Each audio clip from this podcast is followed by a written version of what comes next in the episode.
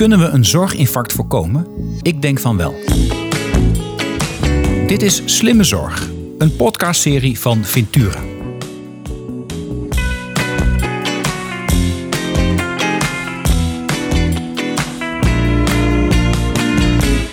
Mijn gast van vandaag is Mariska Koster. Mariska was van 2001 tot medio 2012 longarts met aandachtsgebied oncologie in een topklinisch ziekenhuis.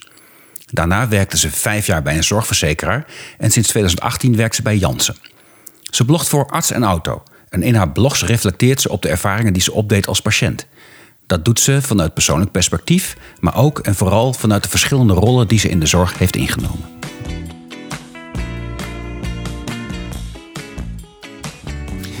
Welkom Mariska bij de Slimme Zorg podcast. Ontzettend leuk om jou als eh, gast te hebben. Wij kennen elkaar al een tijdje, maar eigenlijk vooral indirect. Um, uh, via social media, maar we gaandeweg elkaar de laatste tijd ook wat vaker gesproken. En um, um, ik dacht meteen van Mariska, jij bent een fantastische gast voor mijn podcast. Op de manier waarop je denkt en hoe je kijkt naar zorg. Maar daar gaan we het zomaar eens over hebben. want ook voor jou, die ene vraag die altijd gesteld wordt in deze podcast. Wat is volgens jou slimme zorg? Slimme zorg is volgens mij zorg die ziet op een aantal heel verschillende uitkomsten. Oké, vertel. De eerste soort uitkomst is een medisch-technische uitkomst. De behandeling moet succesvol geweest zijn. Het goede been uh, moet er nog aan zitten. Uh, je moet niet doodgaan aan een operatie. Nee. Uh, als je geopereerd wordt wegens staar, is het er ook heel wel, echt wel fijn als je na afloop weer goed kan zien. Dat zijn de medische uitkomsten. Ja. En daar is heel veel over bekend. Mm -hmm. uh, dat is niet altijd openbaar, maar er is wel heel veel over bekend. En zowel medisch specialisten als zorgverzekeraars sturen heel erg op die medische uitkomsten. Ja. Maar er zijn nog meer uitkomsten die heel erg belangrijk zijn. Okay, je hebt de uitkomsten die voor de patiënt belangrijk zijn. Dat, Vaak, is, niet, dat is niet altijd hetzelfde als de medische. Dat is niet altijd hetzelfde. Nee, mm -hmm. een patiënt kan uh, een behandeling ondergaan en ten gevolge van die behandeling bijvoorbeeld niet meer in staat zijn om te werken. Of uh, voor zijn gezin te zorgen. Mm -hmm. uh, of uh, ja, nog één keer per week af te reizen naar een afgelegen oord waar zijn moeder in een bejaardenhuis zit. Ja. En dan ben je medisch gezien wel genezen, maar je bent niet meer gezond. Mm -hmm. Je bent je gezondheid op een andere manier kwijtgeraakt. Ja. Uh, vaak proberen we dat te vangen in kwaliteit van leven. Ja. Maar kwaliteit van leven, vragenlijsten, die richten zich ook weer heel sterk vaak op alleen lichamelijke en psychische uh, verschijnselen van welbevinden of onwelbevinden. En het sociale ja. aspect wil daar nog wel eens in ondergesneeuwd raken. Dan ja. heb je nog twee andere aspecten. Oh, dus het maatschappelijke aspect van mm -hmm. een behandeling. Ja. Uh, iemand die uh, echt weer gezond is en kan meedoen in de maatschappij, is ook een heel hopelijk gelukkig, maar zeker waardevol lid van de maatschappij. Hij kan meedoen. Mm -hmm. Uh, hij is niet afhankelijk van, uh, van uitkeringen. Hij vervalt niet tot armoede. Dat zijn maatschappelijke uitkomsten die natuurlijk ook de persoon raken, maar ook heel mm. erg de maatschappij raken. Ja. En dan is er nog een laatste en dat is het duurzaamheidsaspect. Mm. Dus ik vind wat, is, wat slimme zorg zou moeten zijn, -hmm. dat is zorg die alle vier die uitkomsten uh, bij elkaar brengt. Oké, okay, dat is geen geringe opgave hè, uiteindelijk. Dus ik maak al uh, ruim 2,5 jaar uh, deze podcast. En dan gelukkig pretendeert niet iedereen de ultieme slimme zorg te kunnen vormgeven. Het zijn vaak elementjes. En jij zegt maar, je moet uiteindelijk wel die elementen bij elkaar brengen. Ja. En um, vooral die, die nou, eerst die, nou, wat je al zei, die, die eerste, die medische aspect, dat, dat prevaleert heel vaak. En dat is ook wel logisch, want je komt als patiënt in een medische wereld met medisch specialisten die alles weten van het medische vlak, die ook op aangesproken worden als zij medisch niet het juiste doen. Dus dat lijkt me, en je bent zelf voor mij ook medisch specialist geweest. Dat klopt. Dus ja. die wereld die ken je ook heel goed. Zie je nou ook, ook, ook iets, iets gebeuren dat ook medici inzien van hé, hey, er is meer dan alleen maar dat medische resultaat waar wij op moeten sturen? Ja, dat zie ik zeker wel. Hè. Er zijn natuurlijk zinnige zorgtrajecten. Uh, er zijn uh, ook, ook recent, onder andere vanuit het Radboud UMC, eh, onderzoeken gedaan waaruit blijkt dat je sommige dingen beter niet kunt doen. Mm -hmm. um, maar dat, is, dat, dat staat wat mij betreft nog wel in de kinderschoenen. Het is erg lastig om in de praktijk van alle dag, eh, waarin je ook gewoon gewend bent om het op een bepaalde manier te doen, dat soort veranderingen door te voeren. Ja. Dat is gewoon echt lastig. En ehm, de medische dingen, die staan natuurlijk heel erg vooraan in het hoofd van de arts en ook van de, van de meeste verpleegkundigen. Dat is logisch, dat, dat hoort ook zo. Dat is heel filter, hè, waardoor je, waardoor je naar een patiënt kijkt, logischerwijs. Ben je ook in opgeleid. Dat, dat, dat, dat klopt. En eh, wat dan een risico is, is dat eh, de arts zijn eigen mening of de mening van de beroepsgroep zwaarder laat wegen dan wat voor de patiënt passend zou zijn. Ik geef een voorbeeld. Ehm, er is net echt heel recent een onderzoek verschenen in de New England Journal of Medicine, waarbij gekeken is bij vrouwen boven de 65 met een vroeg stadium borstkanker, of na de borstsparende operatie bestraling achterwege kon blijven. Nou, heel goed uitgezocht, bijna 1400 patiënten bekeken. Oh, dat is geen kleine studie. Nee, dat is geen kleine studie. En wat bleek bij de dames die alleen geopereerd waren, bleef het gezwel lokaal bij 90,5% weg. En bij de mensen die bestraald waren, bleef het bij 99% weg. Dat verschil is zeker significant. Ja. Maar 90% wegblijven, dat is eigenlijk ook best wel veel. Ja. Alle andere, eh, er waren verder geen verschillen. De overleving, de ziekte die zich manifesteert door uitzaaiingen, dat was tussen de groepen allemaal hetzelfde. Oh, dus de bestraling deed in deze groep alleen iets op het lokaal recidief. Mhm. Nou sprak ik over deze studie met een radiotherapeut uit een expertisecentrum voor borstkanker. Ja. En zij zei, ja, die 9,5% recidief, hè, dat is het omgekeerde van dat 90,5% ja, dat wegblijft. Ja, ja. Ja, dat vinden wij te veel. Ja, en wij, dat zijn de radiotherapeuten. ja. Terwijl ik me best kan voorstellen dat eh, een patiënt zegt van, nou ja, ik vind dat eigenlijk helemaal niet te veel.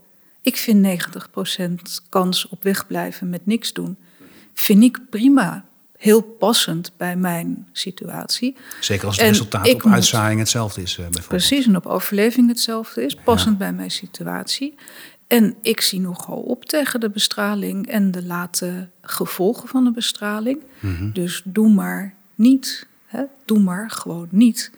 Dat is ook de afweging die ik persoonlijk gemaakt heb toen ik vorig jaar zelf borstkanker kreeg. Wel operatie, maar geen bestraling. Toen was deze studie nog niet gepubliceerd. Oh, dat niet? En ik val ook niet in die leeftijdscategorie. Nee. Maar voor mij was, de was dezelfde overweging leidend. Oké. En jij kon En- bronnen vinden dan om dat, Ja, hoor. om dat besluit eh, te nemen? Ja, die En zijn er. Die zijn er. En die kon je vinden omdat je zelf medisch specialist Die bent kan ik vinden eh? omdat ik zelf medisch specialist ben. Hmm. Eh, en omdat ik weet waar ik moet zoeken. Er is een heel goed programma, dat heet evidentio.com. Ja.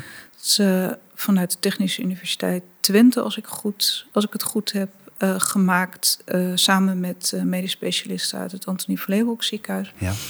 En daar kun je eigenlijk gewoon heel goed invoeren wat in jouw specifieke geval eh, welk effect heeft. Dus welke behandeling leidt tot betere overleving? Welke behandeling leidt tot eh, betere eh, lokale controle? En Dus dat medische deel van de behandeling kun je daarin dat medische kun je deel, checken eigenlijk. dat van kun, je zou dat daarin, doen. dat kun je daarin checken. Oké. Daar staat niet in wat de bijwerkingen zijn of de lange termijn effecten van die behandelingen. Nee. Maar je kan wel een hele belangrijke vraag helpen beantwoorden. En dat is de vraag: wat is het effect van de voorgestelde behandeling op mijn ziekte? Ja. En dat is natuurlijk dat is het begin van besluitvorming.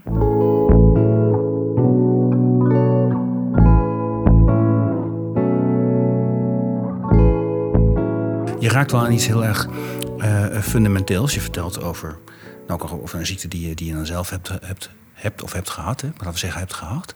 Eh, borstkanker. Een Onderzoek daarover dat je nou ja, borstsparende operatie, wat dan logische stap 1 is. Waarbij je eigenlijk altijd hoort dat mensen dan ook bestraling doen. Hè? Dat is een logische stap 2. Eh, en is ook geen onlogische stap. Heeft ook wel effect, kun je aantonen. Hè? Maar Zeker.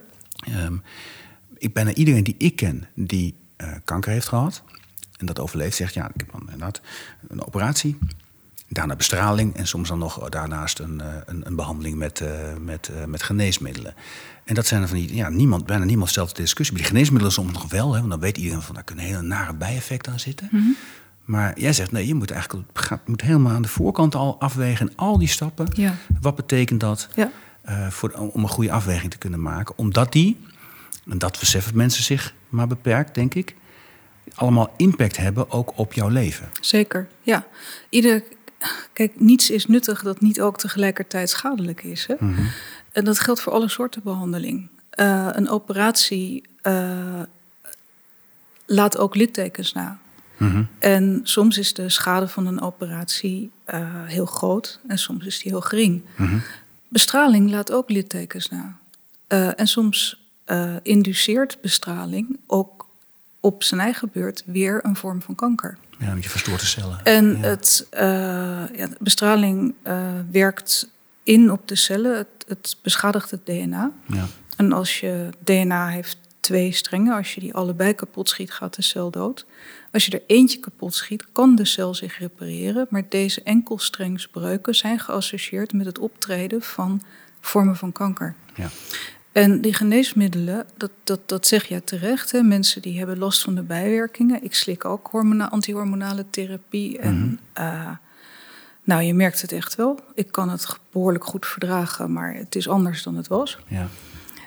Het punt is dat als jij een geneesmiddel uitgereikt krijgt door de apotheker, dan zit daar een bijsluiter bij. En die bijsluiter, nou ja, die bijsluiter, die moet voldoen aan heel veel uh, wettelijke eisen. Dat is waar. En, ja, het staat er wel Uh, in. er staan dus eigenlijk alle bijwerkingen die ooit gerapporteerd zijn met betrekking tot dat geneesmiddel, die staan erin. Ja. Die heel vaak voorkomen, maar ook die 1 op de 1000 of zelfs 1 op de 10.000 patiënten treffen. Die staan er keurig netjes in. Mhm. En ook bijwerkingen die heel zelden voorkomen, maar die toch gerapporteerd zijn, die staan ook genoemd. Ja. Nou, dat kun je allemaal nalezen. Uh, als je er zin in hebt, uh, als je het papiertje dat in het doosje van het geneesmiddel zit, even openslaat. Nou, en zelfs als je dat niet Maar- doet, weet je in ieder geval, er zijn bijwerkingen en dat kun je ook zien. Precies. Dat is overduidelijk. Ja. Voor andere behandelingen Mhm. bestaat er niet zoiets als een bijsluiter. Hmm. Het is bekend dat 1 op de 1000 vrouwen die bestraald wordt voor borstkanker Mhm. een nieuwe kwaadaardige tumor ontwikkelt als gevolg van die bestraling. Ja. Dat is een tumor die dan uitgaat van de weken delen, een angiosarcome gaat uit van de bloedvaten. Mhm. Dat is veel kwaadaardiger, dat gezwel, dan die oorspronkelijke borstkanker. Ja. 1 op de duizend uh, is natuurlijk niet zo heel veel, maar het is wel lullig als het je treft. Ja. Maar 1 op de duizend is te weinig. Volgens de wet op de geneeskundige behandelingsovereenkomst uit 1995, Ja. om dat te melden. En Dus het- ik heb, Mhm. toen ik vorig jaar uh, voor uh, de keuze stond wel of niet bestralen, ja. Tenminste, ik voelde dat ik die keuze had. Het werd niet zo gepresenteerd, Nee, maar je hebt er goed over nagedacht. En je, en, ja, je ik wist, ik wist ja. van die een op de dag. Ik dacht van ja, jongens, maar waarom vertellen jullie mij dit niet? Nee. Het werd niet verteld. En ik vind dat een omissie. Mhm. Uh, ik ben overigens absoluut overtuigd van de goede intenties van degene die mij behandeld hebben. Hè? Ja. Want die wilden mij op de beste manier die hen te diensten stond genezen van mijn borstkanker. Dat wilde ik natuurlijk zelf ook. Ja. Alleen wij hadden uh, andere ideeën over wat de optimale weg van die behandeling was. Ja. Ja, en interessant, want die, die, die 1 op de 1000, stel dat dit, dit, dit, die, dat, in plaats van bestraling was een geneesmiddel geweest, dan was hij zeker opgemerkt. Absoluut, zouden ze zeker ingestaan hebben. Ja, en is misschien zelfs maar de vraag of en een dan... potentieel dodelijke bijwerking. Ja, Ja. Ik vind eigenlijk dat je dat gewoon moet zeggen. Ja. Ik heb destijds, toen ik zelf medisch specialist was, heel veel patiënten met chemotherapie behandeld. Mhm. En ik zei altijd, ja, weet je, de kans is erg klein, maar je kan doodgaan aan de chemotherapie. Ja. Ja. Het dat- kan wel. ja. En dat geldt voor meer, eh, voor meer behandelingen. Want dat duidelijk jij wil mensen niet bang maken hè, met deze podcast. Nee, je juist, niet, nee. Ja, je wil eigenlijk een oproep doen van ja, je moet veel beter die opties afwegen, zodat Ja. het duidelijk is dat de patiënt iets te kiezen heeft. Ja. En dan goed kunt weten, en dan niet zomaar kiezen van nou, een tombola en ik ben bang voor elke bijwerking. Nee, Nee. echt goed afwegen. Goed afwegen. wat, wat, wat, hoe, ziet een, hoe kan een behandelpad eruit zien? Wat, is in, wat, wat levert dat dan op in medische waarde? Mhm. Wat is waardevol? En wat staat daar dan aan ja, andere zaken tegenover? Welke, welke, welke narigheid kan ik daar eventueel van verwachten? Wat, wat voor impact heeft op andere dingen die ik Ja. belangrijk vind, et cetera? Die weging veel Precies. beter maken. Nou, en dit, dit soort dingen, om dit goed te doen, dat kost tijd. Zeker. Dat, dat, is, dat is absoluut zo. Ik vind alleen dat het goed besteden tijd is. Mhm. Er zitten een paar aspecten aan. Het eerste aspect is het aspect van de patiënt zelf. Mhm. Want op het moment dat je te horen krijgt, ja, dat bobbeltje daar in uw borst, dat is kwaadaardig, dan schrik je je echt een ongeluk. Ja. En je kan alleen nog maar denken, ik ga dood. Eh, en het volgende is wat je denkt, ik wil gisteren behandeld worden. Puur omdat je zo geschrokken bent, omdat je in paniek bent. En dat is een, een zeer te respecteren emotie, hè? begrijp me goed. Alleen, die haast is er medisch-technisch gezien niet. Nee. Je hebt absoluut de tijd om één week, twee weken, drie weken de tijd te nemen om ja, het, het eventjes op je te laten inwerken, wat rustiger te worden. En jezelf die drie vragen van mij te stellen. Wat is het effect van de behandeling die mij wordt voorgesteld op de ziekte? Mhm. Wat is het effect van de behandeling op mij? Met andere woorden, wat zijn de bijwerkingen op korte termijn en ook op lange termijn? Ja. Eh, wat voor schade hou ik over van de behandeling? Mhm. En de derde vraag, en wat past nou bij mij? Wat past bij wie ik ben, bij wie ik altijd geweest ben en bij wie ik zo lang mogelijk wil blijven? Wat ben ik bereid los te laten en wat wil ik per se behouden? Daar heb je tijd voor. Er zijn een paar spoedgevallen in de oncologie. Mhm. Nou, dat vertelt de dokter je wel. En in alle andere gevallen heb je gewoon de tijd om dit besluit goed te nemen. Dan heb je als patiënt absoluut hulp en steun bij nodig van de professionals. Ja. Eh, die kunnen op hun beurt weer geholp- geholpen worden door die, die keuzehulpprogramma's die er eh, steeds meer komen. Maar ik vind wel dat het belangrijk is om dat goed te doen. De tijd die je er namelijk aan de voorkant insteekt, Mhm. krijg je aan de achterkant terug, omdat mensen ja, uiteindelijk veel gemotiveerder aan een behandeling beginnen. Mhm. Veel beter weten wat ze kunnen verwachten. Eh, en als je weet wat je kan verwachten en wat wel erg is en wat niet erg is, dan kom je ook veel minder vaak tussendoor naar een spreekuur omdat je geschrokken bent of omdat je ongerust bent. Kom je niet naar de spoedeisende hulp voor dingen die geen zin hebben. Nee. Eh, dus ik denk dat het heel goed besteden tijd is om op deze manier aan samen beslissen te doen.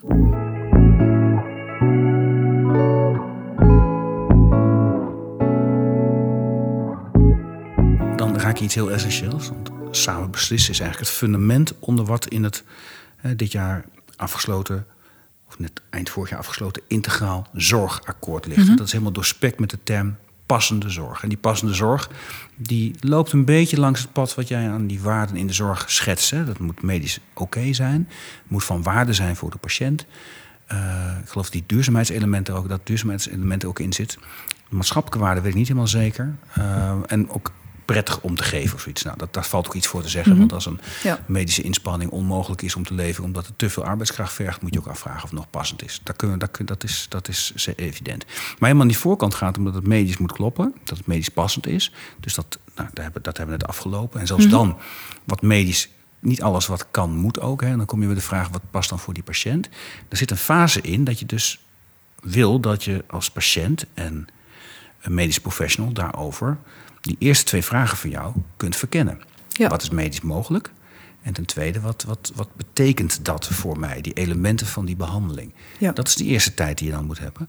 Maar dan, voor ik, ik weet wel dat, dat veel, veel, veel artsen zeggen: ik doe dat al. Ik ben daar wel mee bezig. Ik geef tijd voor samen beslissen. Dus ik leg het heel goed uit aan de patiënt. Heel goed uitleggen wat we allemaal gaan kunnen doen. Wat hij daarvan kan verwachten. Wat de impact is. Dat, dat, dat nou ja, hartstikke goed. Maar het eind, het gesprek eindigt dan met: wat gaan we doen? En dan mis je dus die derde vraag. Dan heb je al heel veel goed gedaan. Precies, dan mis je die derde vraag. En wat Ja. jij nou zegt, eh, ja, dat is ook zo. Hè? Mhm. Er zijn heel, heel weinig artsen eh, die echt niet in het belang van hun patiënt aan het handelen zijn in de spreekkamer. Nee, zeker niet doelbewust.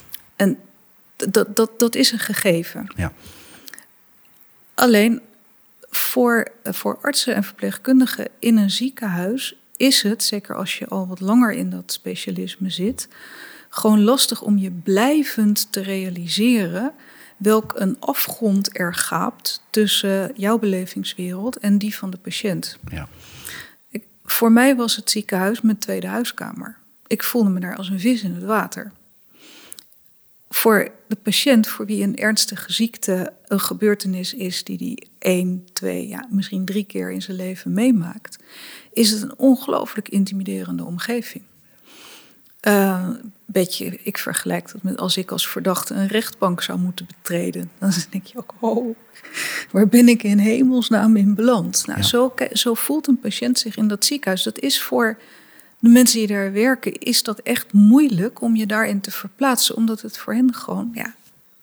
Thuis, logische omgeving. Thuis is. Ja, het zit als een warme jas. Ja, het zit als een warme jas.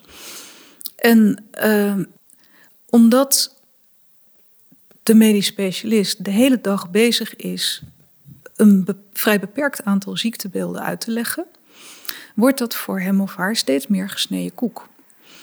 Uh, en schiet het er nog wel eens bij in om bij de patiënt echt te toetsen wat ze nou begrepen hebben. Daar komt bij dat patiënten een, in zijn algemeenheid wat huiverig zijn om de dokter tegen te spreken of om te zeggen dat ze het allemaal onzin vinden Zeker of om te zeggen dat ze het niet begrepen hebben. Ja. Want de patiënt is ten opzichte van de arts in een afhankelijke positie. Precies. En uh, alle goede bedoelingen van de medisch specialisten, want daar, dat staat absoluut buiten kijf, maken al die dingen dat dat proces van samen beslissen toch vaak mank loopt. Ja, en het is wel essentieel. Het is wel essentieel. In het zorgakkoord, je noemde dat net, ik geloof dat het woord samen 572 keer voorkomt in die tekst. Ja, ja samen vraagt wel om een gelijkwaardigheid in de relatie. En die is ontzettend moeilijk te realiseren. Ik heb, ik heb in mijn podcast een heel verhaal gehad, en dat vond ik wel interessant, over de Patient Journey app. Dat is een app waarmee mm. die waar een heel intensieve samenwerking tussen de patiënt en de behandelaar tot stand komt, al ruim voor de behandeling. Waarbij dan een patiënt naar vraagt wordt van denk eens nou over dit en dat en dat. En, en, en, en zodat je niet op het moment dat je bij de specialist komt, in één keer overweldigd wordt met een verhaal over nou ja, wat een behandeling is en waar we gaan doen. En, en, en, en in dat, wat me bijgebleven uit die aflevering ook, is dat dat, dat gaat ook over mensen die een eenvoudige orthopedische behandeling ondergaan. Zeker. Dat is ook heel spannend wat daar gebeurt. Ga je komt maar het ziekenhuis in en dan je misschien wel een nieuwe heup en dan wordt hier gesneden en narcose en, en, en en ook vragen daarin vond ik ook interessant te zeggen, nou, wat, wat vindt u belangrijk in het leven? En ja. nou gingen mensen invullen dat ik met de hond kan wandelen. Dat is nogal een belangrijke uh, uitkomst. Precies. Dus er zijn wel hulpmiddelen om het beter te doen, maar die vormen nog hoge uitzondering. Maar die moet je dan wel consequent inzetten. Mm -hmm. En wat jij beschrijft, uh, dat, zijn, uh, dat zijn zaken die binnen de palliatieve geneeskunde eigenlijk al wel heel erg goed bekend zijn. Palliatieve geneeskunde is niet levenseinde geneeskunde, mm. maar dat is uh, de zorg die je gaat leveren op het moment dat je weet dat je niet meer beter kan worden. Ja, en dat en kan dat lang betekent, duren. Hè? En dat kan heel erg lang duren. Ja, ja. Um, en binnen de palliatieve geneeskunde is het heel erg slim. Het is sowieso slim, maar binnen die palliatieve geneeskunde bij uitstek slim mm -hmm. om aan zogenaamd advanced care planning te doen. Dus je gaat van tevoren, voordat het aan de orde is, ga je spreken met mensen die bijvoorbeeld een heel slecht hart hebben of mensen met een hele ernstige longziekte. Mm -hmm. En zeggen van joh, weet je, de kans is best aanwezig dat in de komende tijd, hè, niemand weet wanneer, dit of dit met je gebeurt. En wat zou je dan willen als dat gebeurt? En wat zou je, wat, wat, Ja. wat zou je dan willen? Ja. En als we je gaan behandelen, wat is dan voor jou een goede uitkomst? Ja, Want je kan een behandeling starten is al heel makkelijk, maar een behandeling stoppen is veel moeilijker. Mhm. En uh, dan heb je het over intensive care. Mensen hebben ideeën over intensive care waar je het koud van krijgt. Enigszins ingegeven door populaire series waar iemand dan gereanimeerd wordt en opstaat, het stof van zijn kostuum klopt en doorgaat met zijn leven, bij wijze van spreken. Ja, ja zo is het niet. Hè, nee, sinds. COVID weten we dat iemand op een buik ligt met een slang Ja. in de mond en uh, dat je helemaal weg bent en noem maar op. Ja, dat en wist dat- ik eigenlijk ook niet. Dat een intensive, een, intensive care behandeling is een hele zware behandeling. ja. En het is een middel tot een doel. Eh, Het, het, het, heel eenvoudig gezegd is een intensive care behandeling een manier om een patiënt in leven te houden. Tot het moment dat het lichaam zichzelf weer kan genezen. Ja.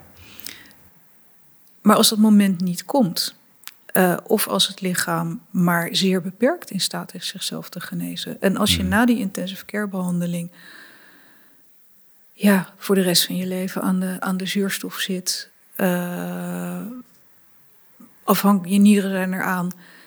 Was dat wat je wilde? Had ik het maar geweten, dan had ik het nooit gedaan. Ja, en dat doe je met die advanced care planning? Met, met die advanced vast. care planning ga je over dit soort dingen spreken. En dat gebeurt heel veel in verpleeghuizen. Ja. En dat is ontzettend goed. Uh, huisartsen doen het natuurlijk ook. Mhm. Ook ontzettend goed. Maar de tijd die je hierin moet stoppen uh, is vrij aanzienlijk. En uh, die tijd die komt niet terug bij de huisarts, zal ik maar zeggen. Die komt terug in het ziekenhuis, omdat de Ja. patiënt daar niet verschijnt. Ja. En dus dat is, een, uh, dat, dat is een beetje een lastig dingetje. Maar het is in termen van kwaliteit van zorg... is het wel heel erg belangrijk, uh, naar mijn smaak... om dit goed te doen. Ja, nou ja, en, en ook misschien die, die, datgene wat we le leren uit advanced care planning... en wat datgene wat we normaal vinden bij palliatieve zorg... Uh, een palliatief zorgtraject mee te nemen in eigenlijk iedere curatieve behandeling. Goed nadenken over, als dit gebeurt, wat voor consequenties heeft dat? Wil je dat wel? Wat vind je belangrijk in het leven? Um, uh, dat, dat is ja, ook belangrijk als je ervan uitgaat dat een traject niet palliatief is. Nee, precies. En, en dingen kunnen natuurlijk ook, ook echt uh, heel vreselijk dramatisch van de brug kantelen. Mm -hmm. Ik heb jarenlang in de toetsingscommissie voor euthanasie gezeten. Mm -hmm. En ik herinner me een, uh, echt een vreselijk verhaal voor een vrij jonge man die een slokdarmcarcinoom had gekregen. Mhm. Daar was hij aan geopereerd. En dat was uh, eigenlijk prima gegaan. Alleen hij kreeg een complicatie na die operatie. En het einde van het liedje was dat uh, de hele ruimte waar vroeger de slokdarm had gezeten, dat die totaal verlittekend was. Daar kon niks meer door. Dus hij had een opening in zijn hals waar speeksel uitliep. En hij had een opening bij zijn maag waar een voedingszonde in zat. En dat is natuurlijk een uitkomst die niemand wil. Nee. En ook en moeilijk om van tevoren te voorspellen. Dat kun je niet ja. van tevoren voorspellen. Nee. Maar wat was nou het extra dramatische hier aan? Die man die zei van ja, dit past niet bij mij. Hè? Mhm. Mm -hmm. Dit is voor mij geen leven meer. Ik wil euthanasie. Ik, Mhm. mm -hmm. ik kan hier. Dit is voor mij geen leven. Dit is ondraaglijk. Mhm. Mm -hmm. Het is ook uitzichtloos. En hier komt geïllustreerd in hoezeer het, het medische uh, kan prevaleren in, uh, in, in, in denken over uitkomsten. Mhm. De behandelend medisch specialisten wenste hier aan niet mee te werken. Hij was namelijk curatief geopereerd. En eigenlijk vonden ze dat hij nog drie kuren chemotherapie moest krijgen. Om het resultaat om van de behandeling. Om weer helemaal schoon te zijn. Terwijl Ja. voor die man. Ja. Ja, ik vind dat. Ik, ik, ik, ik heb dat nooit vergeten. Maar hierin zie je eigenlijk geïllustreerd. uh, hoe de waarden. de uitkomstwaarden, de, de levenswaarden. De, wat verschillende actoren in de zorg belangrijk vinden. uit elkaar kunnen lopen. En hoe moeilijk het ook daarom is. Mhm. om een gesprek te voeren over wat is nou de waarde van een behandeling. Ja, want, want daar zijn, het is niet een verwijt dat hier mensen fout hebben gemaakt. Helemaal omdat deze man Nee. een vreselijke uitkomst had. Dat, heet, dat is Dus pure er, pech. dit- eh, er, ja. was, er, er was ook in dit geval helemaal niks fout gedaan. Nee. Eh, maar dingen gaan ook wel eens fout zonder dat iemand een Precies. fout gemaakt heeft. Nee, precies. Het was, Maar- een, het was een infectie en die kan altijd optreden. Gelukkig heel zelden. Ja. Met deze dramatische gevolgen. Ja, maar het onbegrip over Het onbegrip. Ja, wat kwaliteit van leven is en, kwaliteit, en, Wat dat en kwaliteit van zorg en ja. wat dat betekent, ja, een enorm verschil.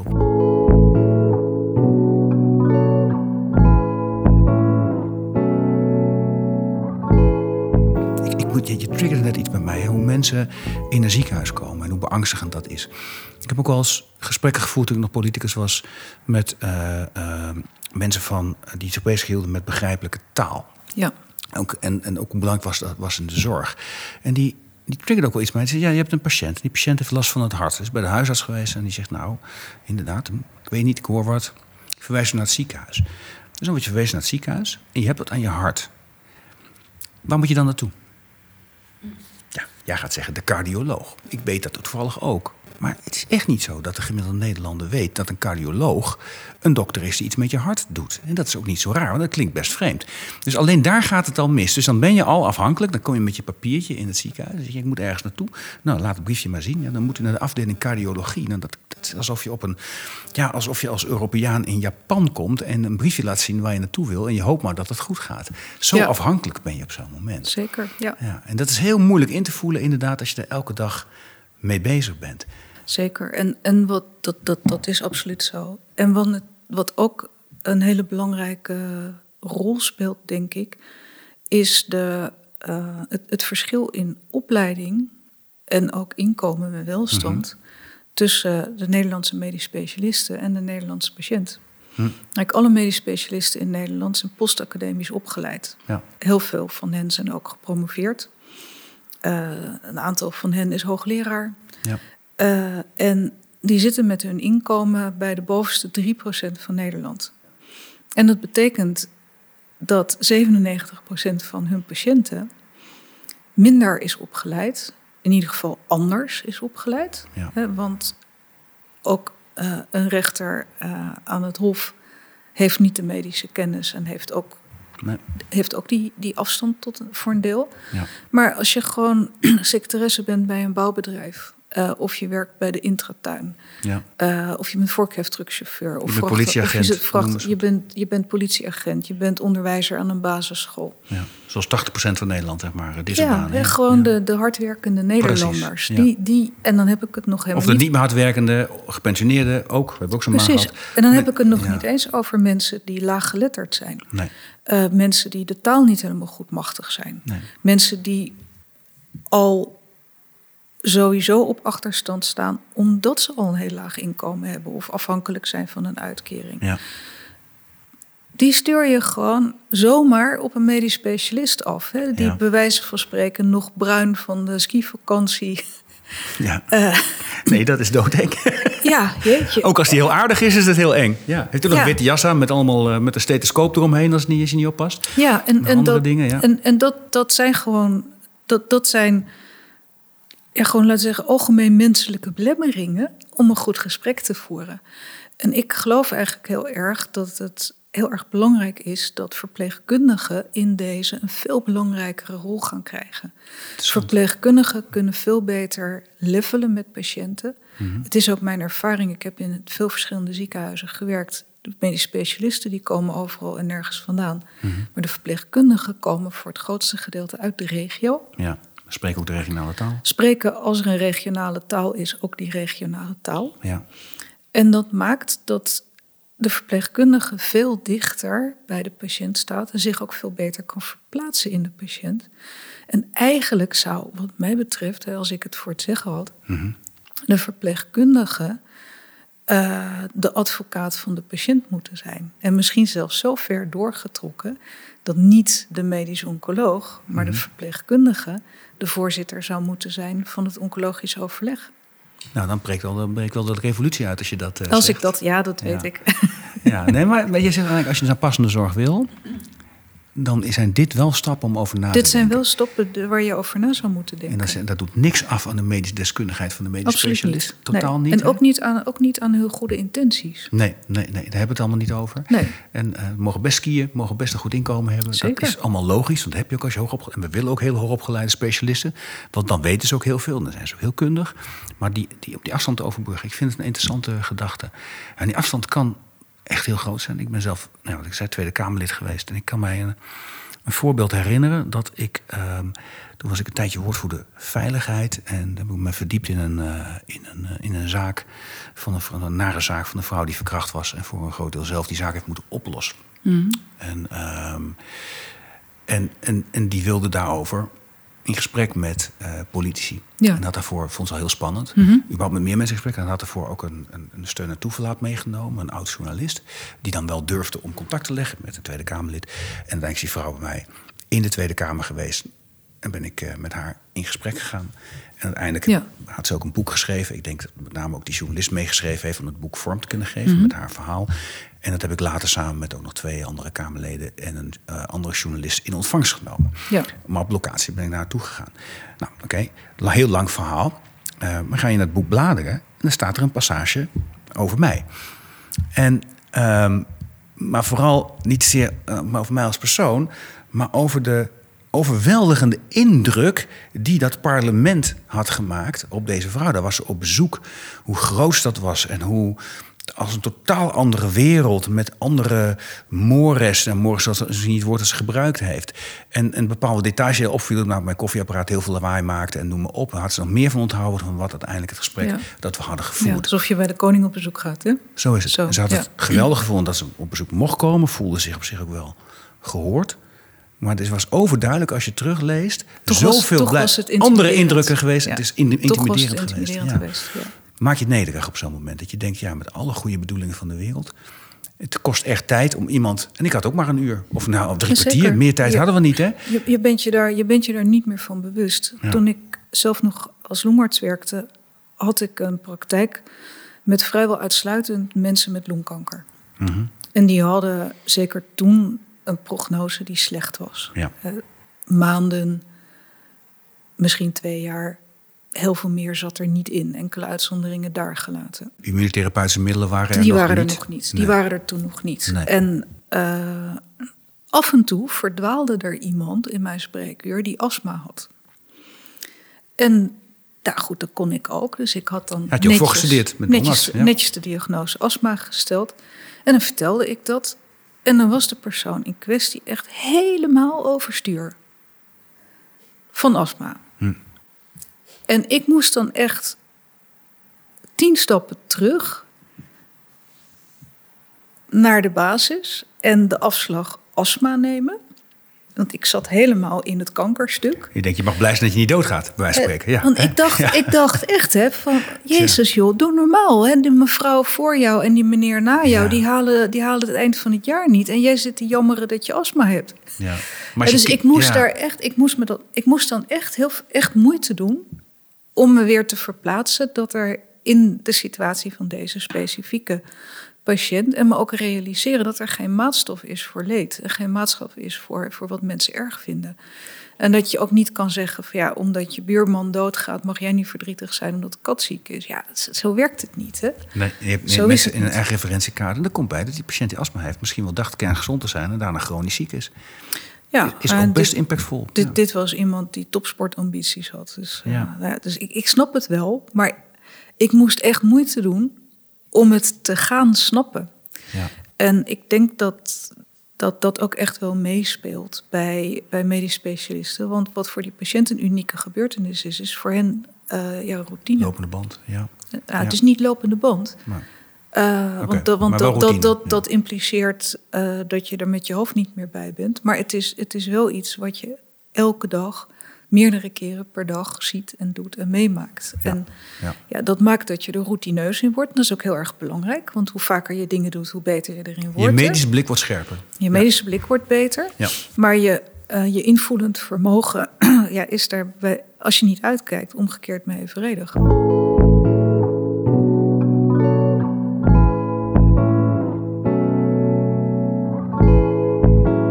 Probeer nog steeds die brug te slaan tussen stappen, tussen, tussen, tussen die, die, die, die eerste, eh, onderdeel, dat eerste onderdeel van slimme zorg, namelijk medisch eh, uitmuntend en technisch helemaal zoals het moet en met de juiste medische uitkomst.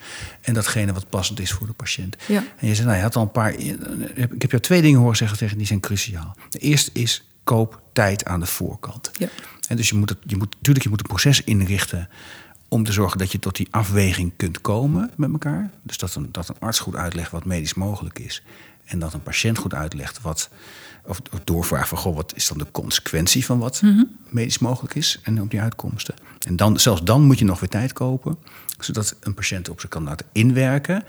Wat, wat, hoe zit mijn omgeving in elkaar? Wat vind ik echt belangrijk? En dan pas en dan terugkomen Ja. na een bepaalde tijd, een week of twee. Ja. En dan besluiten van wat doen. En in overleg besluiten wat gaan we doen. Ja. Dat zou een enorme stap dat- zijn. Dan weet, je, dan weet je wat echt belangrijk is. En dan kun je samen beslissen Ja. van nou, Als we dan zo tussen onze oogharen door kijken, dan is dit ongeveer wat waarschijnlijk gaat uitkomen op wat u graag wil. Ja, dat is dus En één. Koop dat, tijd. is, dat is één. En, Mhm. ik, en ik denk dus dat in dat proces een verpleegkundige echt een hele belangrijke rol eh, kan spelen. Mhm. Om die afstand te verkleinen, om, de, taal meer te spreken. Om meer de Ja. taal te spreken en om samen met die patiënt te verkennen wat is voor jou belangrijk. Ja. Wat past bij jou? Wie ben jij? Ja. En eh, natuurlijk kan de huisarts dat ook. Ehm, maar die moet er dan maar net de tijd voor hebben. Ja. Eh, net als het uitkomt. Hè, terwijl de verpleegkundige ook alle gegevens heeft, als het goed is, van wat de medisch specialist met de patiënt gesproken heeft. Want er is meestal in dit stadium van, van de gespreksvoering, is er ook nog geen brief naar de huisarts. Nee, nee, die komt pas als je een Die besluit komt, die genomen komt wordt gaan pas, doen. die komt pas Ja. als, er, als er een behandelplan is. Natuurlijk Ja. Mm. kan de huisarts het ook. Maar als je, eh, ja, als je verder niet zoveel mankeert, dan kom je ook gewoon nooit bij de huisarts. Eh, nee. Dus ehm, de huisarts is, is natuurlijk een, een prachtig mooi instituut in Nederland. Maar als je er nooit komt, is dat niet de vertrouwenspersoon eh, die ze voor veel andere mensen natuurlijk wel zijn. nee, dat klopt. En eh, ik- ik ben voor mezelf in de afgelopen 30 jaar precies één keer bij de huisarts geweest. En alle andere keren was dat met het vriendelijke verzoek even mijn kinderen weer beter te maken. Maar nooit voor mezelf. Nee. nee. En, dan, en eh, ik denk dat dat best voor meerdere mensen kan gelden. En dan is het een beetje kunstmatig om eh, ze terug te sturen naar de huisarts. Die niet weet wat er in het ziekenhuis gezegd is. Hè, Mhm. of, of daar dan weer een, een communicatieslag op te moeten maken. Mhm. Eh, terwijl ik diep in mijn hart geloof dat een verpleegkundige dit zeker zo goed kan. Juist vanwege dat, dat, dat, eh, ja, dat gevoel van vertrouwdheid, wat een verpleegkundige veel meer kan uitstralen dan een arts. Ja, en, en de verpleegkundige is wel degelijk ook een medisch professional. Dus anders wanneer Zeker, je met, bijvoorbeeld met ja. een maatschappelijk werker zou praten... die het medische deel onvoldoende zou kunnen duiden wellicht. Hè? Dus dat is interessant. Dus, dus, dus meer tijd kopen, een andere professional daarbij zetten, tussen zetten... die dat, die, die brugfunctie kan vervullen. Ehm, maar je kunt je ook afvragen van... Hey, maar in het begin had je het over... Van, ja, als ik een geneesmiddel haal bij, gewoon bij de apotheek... zit er een doosje, er is een enorme bijsluiter bij. Mogen we niet ook ergens verwachten of eisen dat over behandelingen... dat er iets van ergens te vinden is over Ja, wat, die, wat die impact ik- is. Nog los van dat iemand het vertelt. Hè? Want ik ga vanuit als ik, als ik geneesmiddel krijg... dan dat ook de arts mij wel vertelt van net op de bijwerking. De apotheker doet het ook nog wel eens. Maar dat je ook van een behandeltraject van datgene dat gebeurt... dat er ergens een soort medische bijsluiter is. Nou ja, dat, eh, het is me uit het hart gegrepen wat je nu zegt, eh, Arno. En, en als ik hier lang over doorga, dan, eh, dan schiet er peper in mijn bloed. Nou, probeer eens. Ja, ik bedoel, als, als Maar- het saai wordt, dan grijpt de producent in... en die knipt, knipt alles er weer uit. Dus vervolgens nog denkt dat het wel kan. Een medische bijsluiter. Nee, kijk, een, me- een medische bijsluiter, eh, die, zou, die zou natuurlijk een aantal aspecten moeten hebben. Mhm. En één daarvan is van wat zijn de, eh, wat, wat zijn de ongunstige gevolgen die eh, bij deze behandeling kunnen horen. Mhm. En dat, dat, is, dat is één aspect. Maar er zit nog een aspect aan. Kijk, een geneesmiddel, van welke apotheek je het ook krijgt, het is altijd hetzelfde. Mhm. Maar een behandeling die je van iemand in een ziekenhuis ontvangt, is niet in ieder ziekenhuis hetzelfde. De dokter in ziekenhuis A is nou één keer net even wat minder bedreven dan de dokter in ziekenhuis B. En dan ga je praten over de verschillen tussen ziekenhuizen, tussen behandelaars. En dan kom je op een heel gevoelig punt. Ja. Ehm, want daarin is men ja, uitermate huiverig om dat bekend te maken. Ja. Er zijn natuurlijk heel veel eh, goede initiatieven. Een daarvan is DICA, het Dutch Institute of Clinical Auditing. Die gewoon zeker die vanuit de heelkunde begonnen zijn om kwaliteitsverschillen inzichtelijk te maken en dat ook te verbeteren. ja. Kijk, van Dat de medische zijn- uitkomsten dan, denk ik, hè? medische uitkomsten, Ja. bijvoorbeeld sterfte na een bepaalde operatie. Alleen die processen die duren eindeloos en eindeloos. En Ik vind het goed dat die verbeterslag gemaakt wordt. Maar ik vind het niet goed dat het in het verborgene plaatsvindt. Nee, dat is voor zover je dat al inzichtelijk Stel nou, maakt. stel nou Mhm. dat, dat je als, als ziekenhuis kom je erachter door de inspanningen van DICA dat jouw sterftecijfer na een bepaalde ingreep echt een uitbijter is als je naar landelijk kijkt. Ja. Dan kun je natuurlijk doen van nou, we vertellen het aan niemand en we gaan ons verbeteren. Dan ben je eh, een paar jaar na dato, dan, zit je, dan, dan ben je echt wel beter geworden. Maar ja, dan hebben er wel mensen in blind vertrouwen zich aan je toevertrouwd, terwijl jij wist dat je niet zo goed was. Ja, zou ik, zou ik moeilijk vinden. Ja, je kan iets- natuurlijk ook zeggen, je zou ook in theorie kunnen zeggen van, ah, tegen je patiënten: van goh, wij hebben helaas moeten constateren dat onze resultaten voor behandeling X minder goed zijn dan we dachten. Mhm. We doen er alles aan om onszelf bij te scholen. En totdat we helemaal eh, weer up to standard zijn, eh, opereren we u graag in het grote ziekenhuis hier 60 kilometer eh, vandaan. Hè, in een setting waarin wij ook ons kunnen bijscholen. Ja. Dat zou, en dat, dat gebeurt niet. En dat, dat is bij mijn weten ook nooit gebeurd. En dat is, dat is wel moeizaam als je als patiënt eigenlijk iets zou willen kunnen kiezen. Op het moment dat je zegt van goh, ik heb, eh, ik heb prostaatkanker. En een operatie is, is een optie. Nou, een van de bijwerkingen, late effecten van zo'n operatie kan zijn dat je incontinent wordt, hè, dat je Ja. je plas niet kan ophouden. Ja. Andere bijwerking is impotentie. Ja. Nou, dat zijn naar mijn bescheiden mening levensverpestende bijwerkingen. ja, je gaat niet aan dood.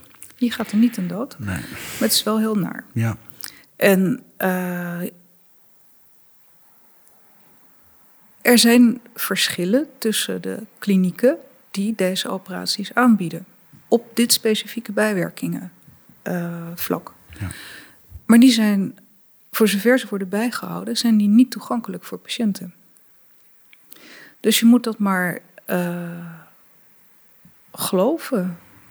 Ja. Eh, de blauwe ogen van de uroloog. Ja, ik heb, zo'n, ik heb vol vertrouwen in de dokter. Ik, ik, ja, ik, vind het heel, ik heb ook vertrouwen in mijn behandelaars. Absoluut, dat is ook nodig. Ja. Maar het is ook wel heel fijn als dat vertrouwen een beetje een basis heeft. En dat iemand kan laten, kan laten zien kijk, we doen er echt alles aan om zo goed mogelijk te zijn. En als we onszelf vergelijken met andere ziekenhuizen, eh, dan zitten we hier, dan scoren we hier. En als u dat eh, goed genoeg vindt, ja, kom in mijn armen. Hè? We, we zullen u eh, met alle zorg omringen. Ja. En als u dat niet goed genoeg vindt, ja, het is heel spijtig, maar dan moet u ergens anders naartoe. Ja. Dus je zegt, ja, een, een medische bijsluiter, het is altijd anders dan wanneer je het met een geneesmiddel doet. Ja, Die kan, stap 1 zou zijn, dat je datgene wat geobjectiveerd bekend is, beschikbaar is. Zoals je vertelde over bijvoorbeeld een studie over naast de operatieve behandeling ook bestralen. Mhm. Daar zijn gegevens van.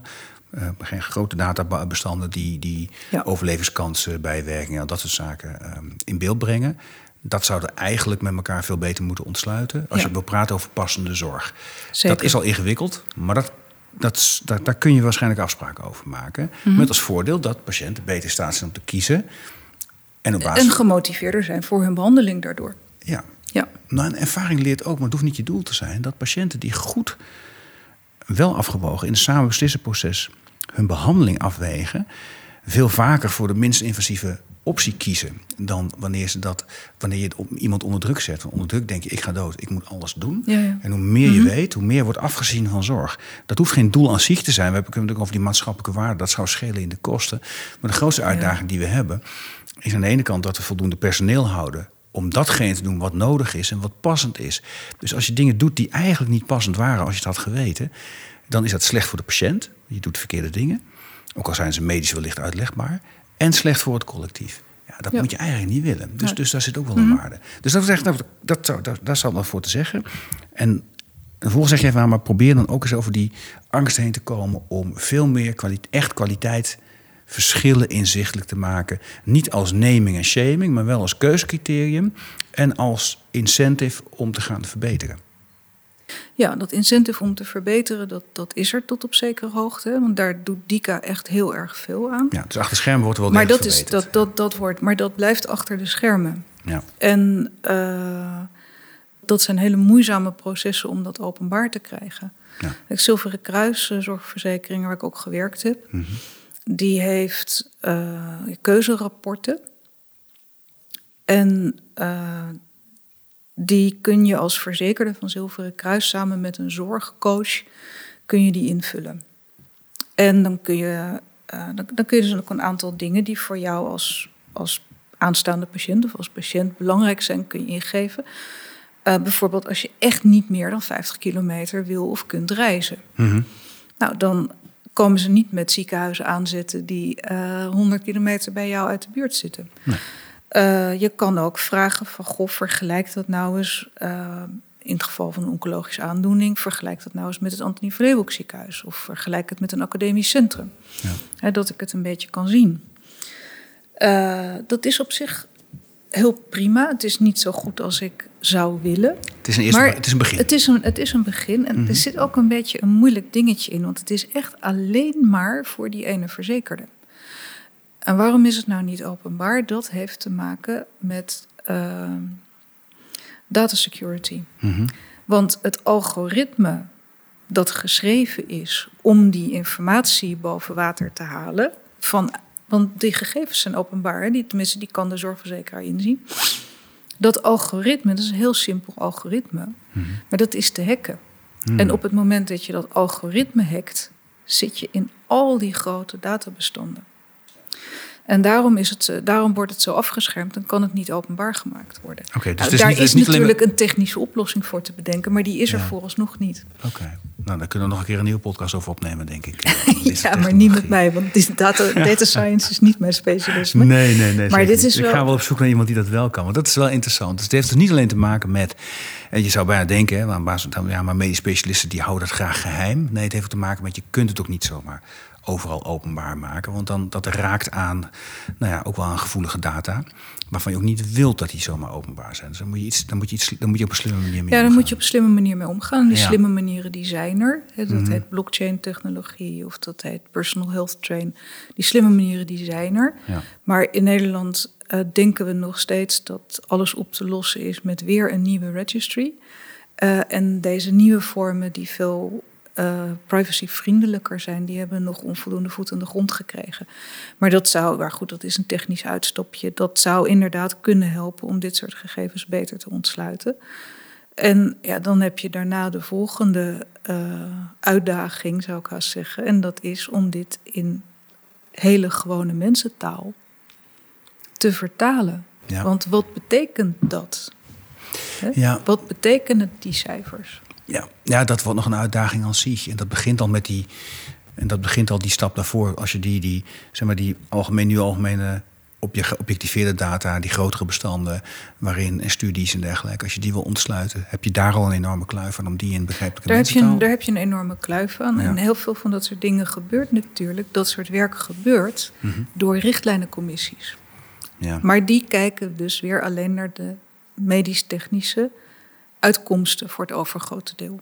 En eh, ik, denk, ik denk zelf dat je ook niet moet willen om dit allemaal ja, digitaal toegankelijk te maken.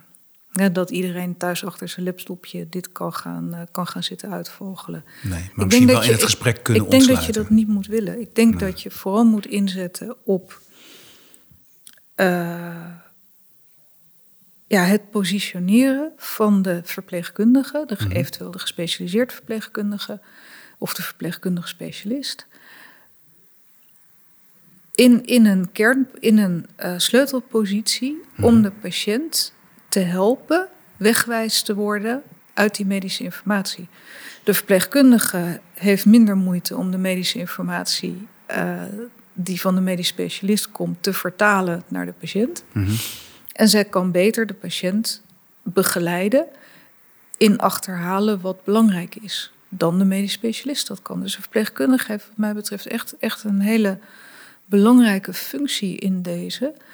Uh, gelukkig worden ook steeds vaker verpleegkundigen in dit soort posities uh, ingezet. Ik denk ook dat het voor verpleegkundigen zelf uh, een fantastische plek is hè, om op zo'n manier je expertise te kunnen inzetten. Ja, het is wel anders dan iemand verpleeg, ja, het is, verpleegkundig bijstaan. Dat is, je komt weer een adviespositie terecht. Ja, het is, het is een enorme toegevoegde waarde op je vak. Het is een enorme, enorme toegevoegde waarde, denk ik. Ja. En, en die, um, ja, die, die besluitvorming die zal daar denk ik echt veel beter door kunnen worden. Juist door dat menselijke aspect, dat intermenselijke aspect van die interactie met die verpleegkundige professional erin te houden. En niet alles uh, digitaal te maken. Want dan krijg je toch weer een af en toe het verschijnsel computer says no en dan, uh, dan weet niemand het meer. Nee, dus het hele idee dus het helemaal terugdraaien. We komen aan de maatschappelijke impact van, eh, van, van, kwaliteit, van, van slimme zorg komen niet eens toe vandaag. Laat staan aan de duurzaamheid. Nou, prima. Dat allemaal onderdeel van een ander gesprek. Maar die medische kwaliteit gekoppeld aan datgene wat persoonlijk voor iemand echt van belang is. Ja. Als we dat echt goed willen doen, begint met koop meer tijd aan de voorkant. En die verdien je later terug. Dus daar zouden, als we kijken in dat integraal zorgakkoord, al die partijen die mee bezig zijn, als we één ding moeten meegeven. Maak nou tijd aan de voorkant. Maak, koop tijd, realiseer dat tijd. Idealitair zet daar ook een verpleegkundige bij. Die kan helpen om de informatie, niet alleen die medische informatie die heel erg belangrijk is, maar ook te kunnen duiden van wat betekent mhm. dat nou, die medische informatie, welke impact heeft dat. Dat zou je in een medische bijsluiter kunnen doen. Maar wellicht kan het ook gewoon interactief in dat gesprek. Als je dat goed doet, kom je ook een heel eind. En dan mogen we erop rekenen dat dat begrip passende zorg veel meer handen en voeten gaat krijgen dan nu het geval is. Ja, dat denk ik wel. Ja. Mag ik jou heel erg bedanken voor dit mooie gesprek. Heel graag gedaan, Arno. Dit was Slimme Zorg, de podcast waarin nagedacht wordt over oplossingen waarmee een zorginfarct voorkomen kan worden. Een podcastserie van Ventura. Abonneer je op deze show via iTunes of Spotify en voel je vrij om een review achter te laten. Ik vind het zelf enorm leuk om te lezen wat jullie van de podcast vinden. Je mag me ook mailen op podcast.ventura.com. Vond je de podcast leuk? Dan heb ik een opdracht voor je. Vertel over de podcast aan een van je vrienden of collega's. Mijn naam is Arno Rutte. Dit was Slimme Zorg. Je hoort mij over twee weken weer in een nieuwe aflevering.